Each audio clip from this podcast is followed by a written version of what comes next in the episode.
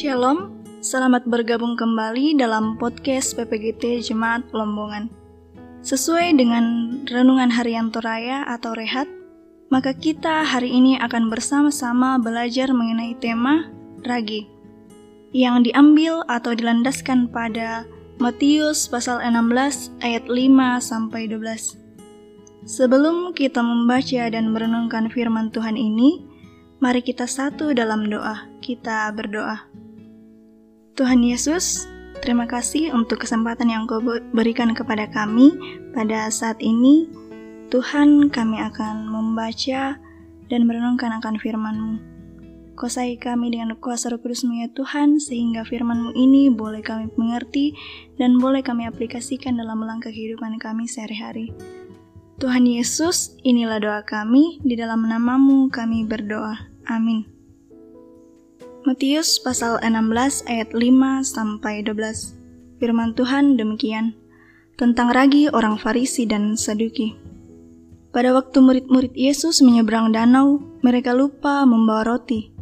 Yesus berkata kepada mereka, "Berjaga-jagalah dan waspadalah terhadap ragi orang Farisi dan Saduki." Maka mereka berpikir-pikir dan seorang berkata kepada yang lain, "Itu dikatakannya karena kita tidak membawa roti." Dan ketika Yesus mengetahui apa yang mereka perbincangkan, ia berkata, "Mengapa kamu memperbincangkan soal tidak ada roti? Hai orang-orang yang kurang percaya, belum juga kamu mengerti.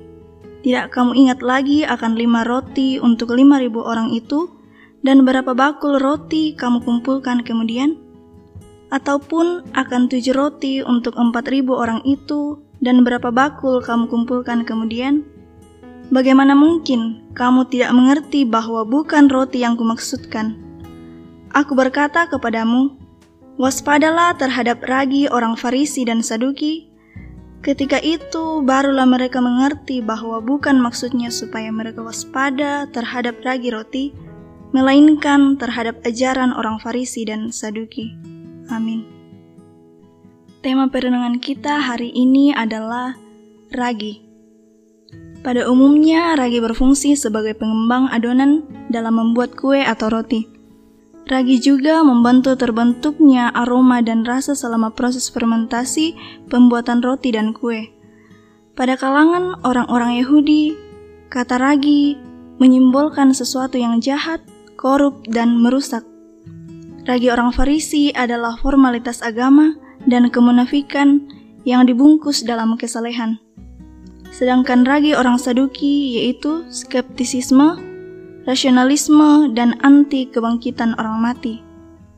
Sebagaimana ragi berfungsi untuk meresap, membaur, dan menguasai adonan agar dapat berkembang. Demikian halnya dengan sikap dan tindakan kaum Farisi dan Saduki di dalam mengajar. Sikap hidup mereka dapat membahayakan perkembangan umat milik Tuhan di dalam menerima pengajaran Allah yang disampaikan oleh Tuhan Yesus. Ajaran mereka ibarat virus mematikan. Virus ini secara perlahan memengaruhi pola pikir dan perilaku seseorang menjadi fanatik serta fanatisme yang berlebihan.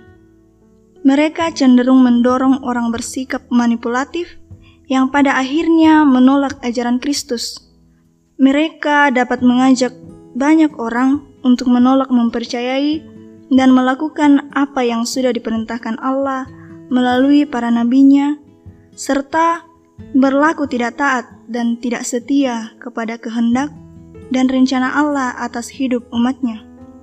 Melalui bacaan ini, kita diingatkan untuk ibarat menjadi ragi yang harus mengembangkan adonan dengan baik.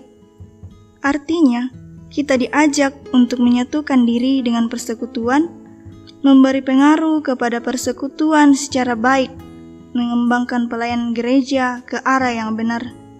Jangan sampai kehadiran kita menjadi batu sandungan bagi persekutuan. Amin. Mari kita berdoa. Tuhan, kami bersyukur atas waktu yang telah Tuhan berikan kepada kami kami telah membaca dan merenungkan firman-Mu. Firman-Mu ya Tuhan mengajarkan kami untuk memberi pengaruh yang baik dalam persekutuan kami, mengembangkan pelayanan gereja ke arah yang benar, dan untuk kemuliaan nama Tuhan, bukan untuk kemuliaan kami. Tuhan, aktivitas kami sepanjang hari ini kami serahkan ke dalam tangan-Mu. Ini doa kami Tuhan, ungkapan syukur kami, permohonan kami, di dalam nama Tuhan Yesus kami berdoa. Amin. Demikian perenungan kita hari ini.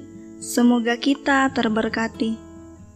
Dan jangan lupa hari Senin dengarkan podcast PPGT Jemaat Lombongan lagi ya guys. Tuhan Yesus memberkati.